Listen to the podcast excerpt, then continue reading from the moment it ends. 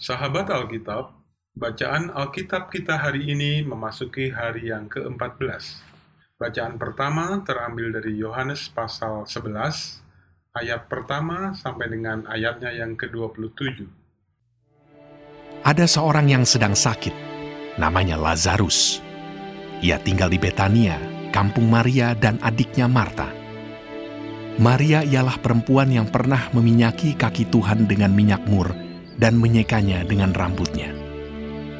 Dan Lazarus yang sakit itu adalah saudaranya. Kedua perempuan itu mengirim kabar kepada Yesus. Tuhan, dia yang kau kasihi sakit.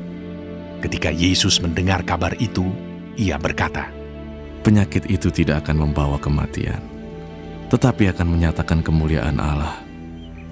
Sebab oleh penyakit itu, anak Allah akan dimuliakan.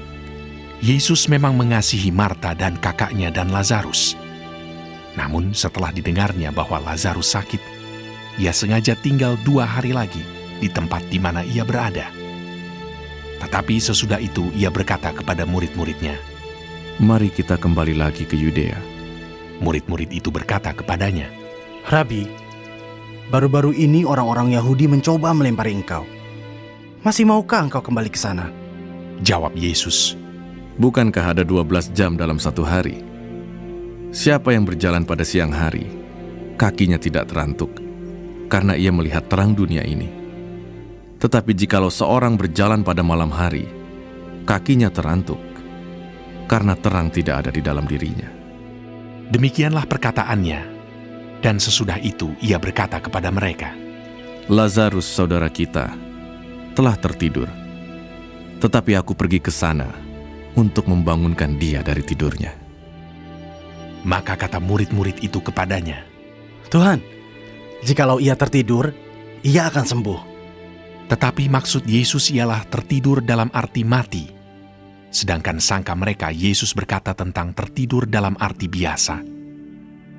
Karena itu, Yesus berkata dengan terus terang, Lazarus sudah mati. Tetapi syukurlah, aku tidak hadir pada waktu itu. Sebab demikian lebih baik bagimu, supaya kamu dapat belajar percaya. Marilah kita pergi sekarang kepadanya. Lalu Thomas yang disebut Didimus berkata kepada teman-temannya, yaitu murid-murid yang lain, Marilah kita pergi juga untuk mati bersama-sama dengan dia. Maka ketika Yesus tiba, didapatinya Lazarus telah empat hari berbaring di dalam kubur. Betania terletak dekat Yerusalem, kira-kira dua mil jauhnya. Di situ banyak orang Yahudi telah datang kepada Marta dan Maria untuk menghibur mereka berhubung dengan kematian saudaranya. Ketika Marta mendengar bahwa Yesus datang, ia pergi mendapatkannya, tetapi Maria tinggal di rumah. Maka kata Marta kepada Yesus, Tuhan, sekiranya engkau ada di sini, saudaraku pasti tidak mati. Tapi sekarang pun aku tahu bahwa Allah akan memberikan kepadamu segala sesuatu yang engkau minta kepadanya. Kata Yesus kepada Marta, Saudaramu akan bangkit. kata Marta kepadanya, Aku tahu bahwa ia akan bangkit pada waktu orang-orang bangkit pada akhir zaman. jawab Yesus, Akulah kebangkitan dan hidup. Barang siapa percaya kepadaku, ia akan hidup walaupun ia sudah mati. Dan setiap orang yang hidup dan yang percaya kepadaku tidak akan mati selama-lamanya. Percayakah engkau akan hal ini? jawab Marta, Ya Tuhan, aku percaya bahwa Engkaulah Mesias, Anak Allah, Dia yang akan datang ke dalam dunia. Bacaan kedua terambil dari 2 Tawarik pasal 10 sampai 2 Tawarik pasal 11. Kemudian Rehabeam pergi ke Sikem, sebab seluruh Israel telah datang ke Sikem untuk menobatkan dia menjadi raja. Segera sesudah hal itu kedengaran kepada Yerobeam bin Nebat. Ia ada di Mesir, sebab ia melarikan diri ke sana dari hadapan Raja Salomo. Maka kembalilah ia dari Mesir. Orang menyuruh memanggil dia. Lalu datanglah Yerobeam dengan seluruh orang Israel dan berkata kepada Rehabeam, Ayahmu telah memberatkan tanggungan kami.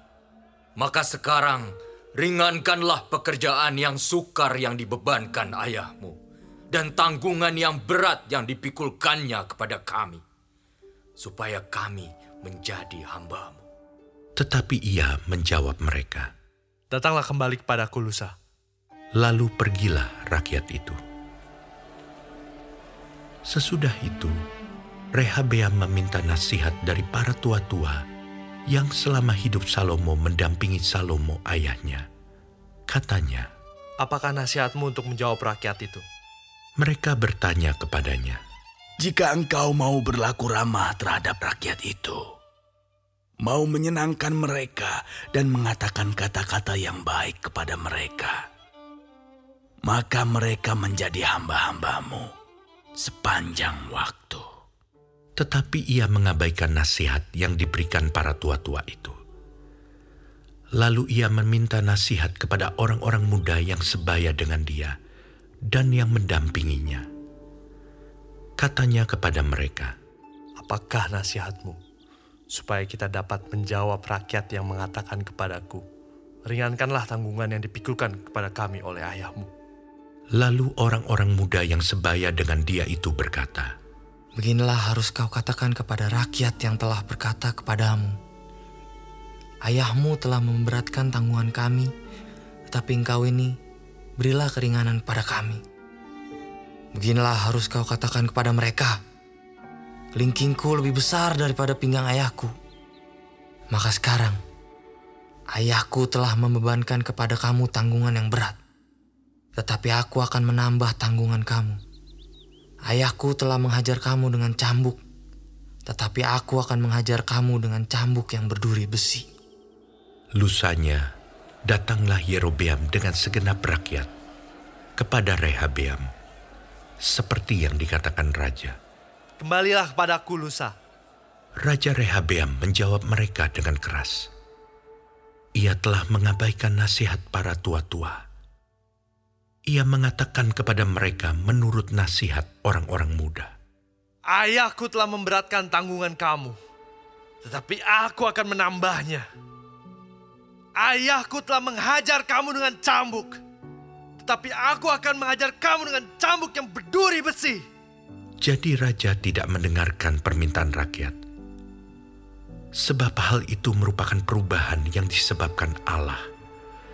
Supaya Tuhan menepati firman yang diucapkannya dengan perantaraan Ahia orang Silo kepada Yerobeam bin Nebat.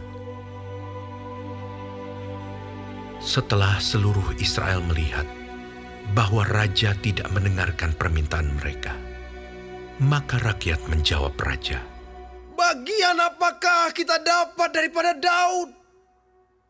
Kita tidak memperoleh warisan dari anak Isai itu. Masing-masing ke kemahmu, hai orang Israel. Uruslah sekarang rumahmu sendiri, hai Daud. Maka pergilah seluruh orang Israel ke kemahnya. Sehingga Rehabeam menjadi raja, hanya atas orang Israel yang diam di kota-kota Yehuda. Kemudian Raja Rehabeam mengutus Hadoram yang menjadi kepala Rodi. Tetapi orang-orang Israel melontari dia dengan batu sehingga mati. Bahkan Raja Rehabeam hampir-hampir tidak dapat menaiki keretanya untuk melarikan diri ke Yerusalem.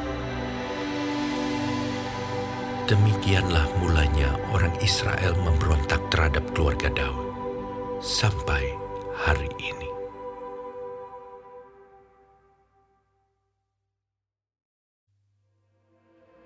Ketika Rehabeam datang ke Yerusalem, ia mengumpulkan kaum Yehuda dan Benyamin, 180 ribu teruna yang sanggup berperang untuk memerangi orang Israel, dengan maksud mengembalikan kerajaan itu kepadanya. Tetapi datanglah firman Tuhan kepada Semaya abdi Allah. Demikian. Katakanlah kepada Rehabeam, anak Salomo, Raja Yehuda, dan kepada segenap orang Israel di Yehuda dan di Benyamin, demikian. Beginilah firman Tuhan. Janganlah kamu maju dan janganlah kamu berperang melawan saudara-saudaramu. Pulanglah masing-masing ke rumahnya, sebab akulah yang menyebabkan hal ini terjadi. Maka mereka mendengarkan firman Tuhan dan pulang dengan tidak pergi menyerang Yerobeam. Rehabeam diam di Yerusalem dan memperkuat kota-kota kubu di Yehuda.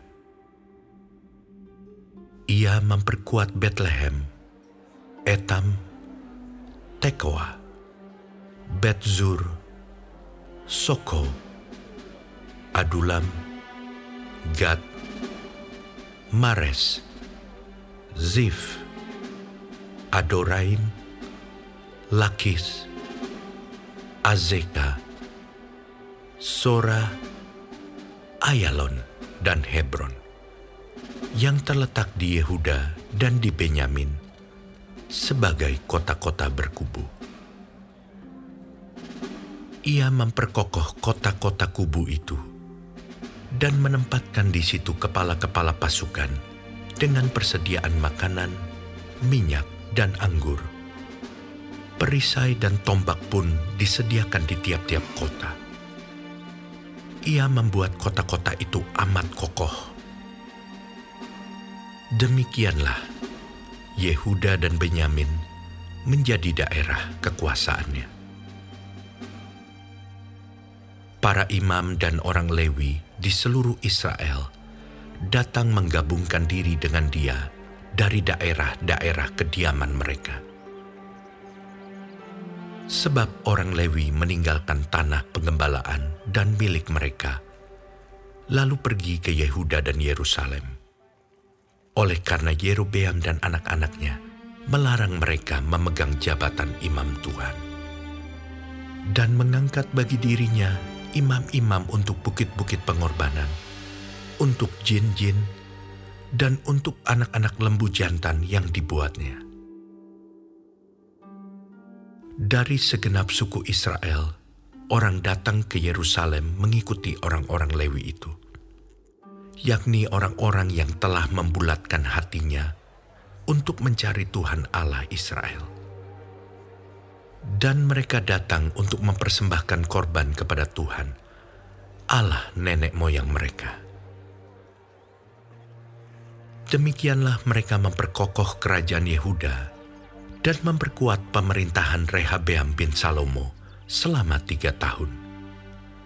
Karena selama tiga tahun mereka hidup mengikuti jejak Daud dan Salomo.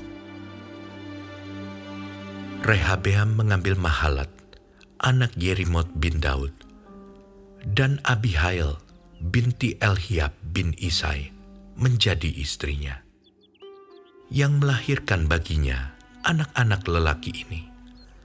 Yeus, Semaria, dan Zam. Sesudah Mahalat, ia mengambil Maaka, anak Absalom, menjadi istrinya, yang melahirkan baginya Abia, Atai, Ziza, dan Selomit. Rehabeam mencintai Maaka, anak Absalom itu, lebih daripada semua istri dan gundiknya. Ia mengambil delapan belas istri dan enam puluh gundik, dan memperanakan dua puluh delapan anak laki-laki dan enam puluh anak perempuan. Rehabeam mengangkat Abia, anak Maaka, sebagai pemuka, yakni sebagai pemimpin di antara saudara-saudaranya karena ia bermaksud menjadikan dia raja. Oleh sebab itu, ia mengambil kebijaksanaan untuk menyebarkan semua anaknya yang lain ke seluruh Yehuda dan Benyamin, ke segala kota kubu. Ia memberikan mereka makanan dengan limpahnya dan menyediakan bagi mereka banyak istri.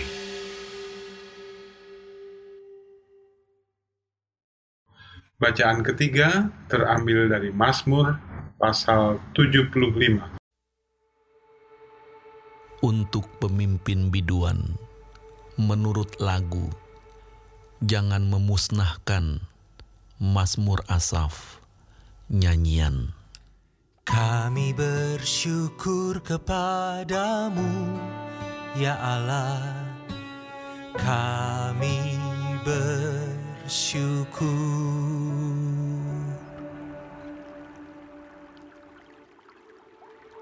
Dan orang-orang yang menyerukan namamu menceritakan perbuatan-perbuatanmu yang ajaib.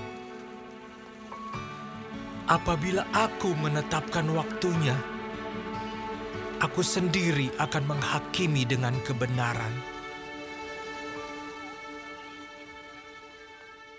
Bumi hancur dan semua penduduknya, tetapi akulah yang mengokohkan tiang-tiangnya. Selah. Aku berkata kepada pembual-pembual, jangan membual. Dan kepada orang-orang fasik, jangan meninggikan tanduk. Jangan mengangkat tandukmu tinggi-tinggi. Jangan berbicara dengan bertegang leher. Sebab bukan dari timur atau dari barat, dan bukan dari padang gurun datangnya peninggian itu. Tetapi Allah adalah hakim.